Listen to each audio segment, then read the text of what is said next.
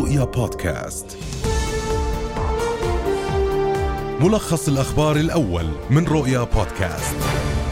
يجري جلالة الملك عبد الله الثاني اليوم زيارة إلى دولة قطر يلتقي خلالها سمو الشيخ تميم بن حمد الثاني أمير دولة قطر ويبحث جلالته مع سمو الشيخ تميم العلاقات الأخوية المتينة التي تربط البلدين والشعبين وسبل توسيع التعاون في المجالات كافة إضافة إلى المستجدات الإقليمية والدولية.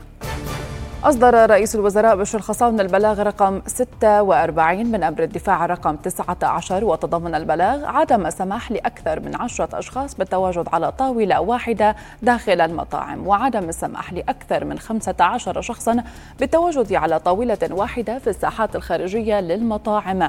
وأن لا تقل المسافة بين الطاولات في جميع الأحوال عن مترين. كما تضمن البلاغ إلزام كافة القطاعات الحكومية والخاصة بعدم السماح لأي شخص بدخولها أو التواجد فيها إلا إذا كان من الأشخاص المسموح لهم التواجد فيها وفقا لتطبيق سند أخضر. وبحسب البلاغ تعاقب المنشأة المخالفة بغرامة مقدارها ألف دينار للمخالفة الأولى وثلاثة ألاف دينار للمخالفة الثانية وخمسة ألاف دينار للمخالفة الثالثة. وتغلق المنشأة في حال التكرار بعد ذلك. قرر رئيس الوزراء الدكتور بشر خصاونة تعطيل جميع الوزارات والدوائر الرسمية يوم الثلاثاء المقبل احتفاء بذكرى المولد النبوي الشريف واستثنى البلاغ الذي أصدره رئيس الوزراء اليوم الوزارات والدوائر والمؤسسات الرسمية التي يقتضي أو تقتضي طبيعة عملها خلاف ذلك.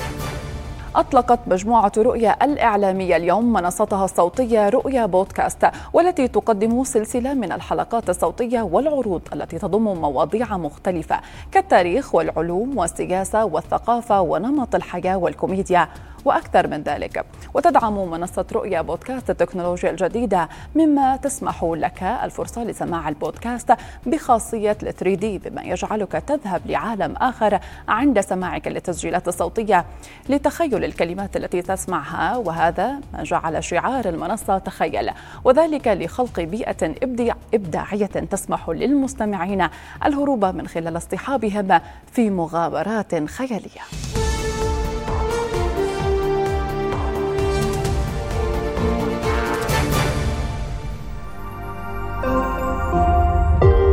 رؤيا بودكاست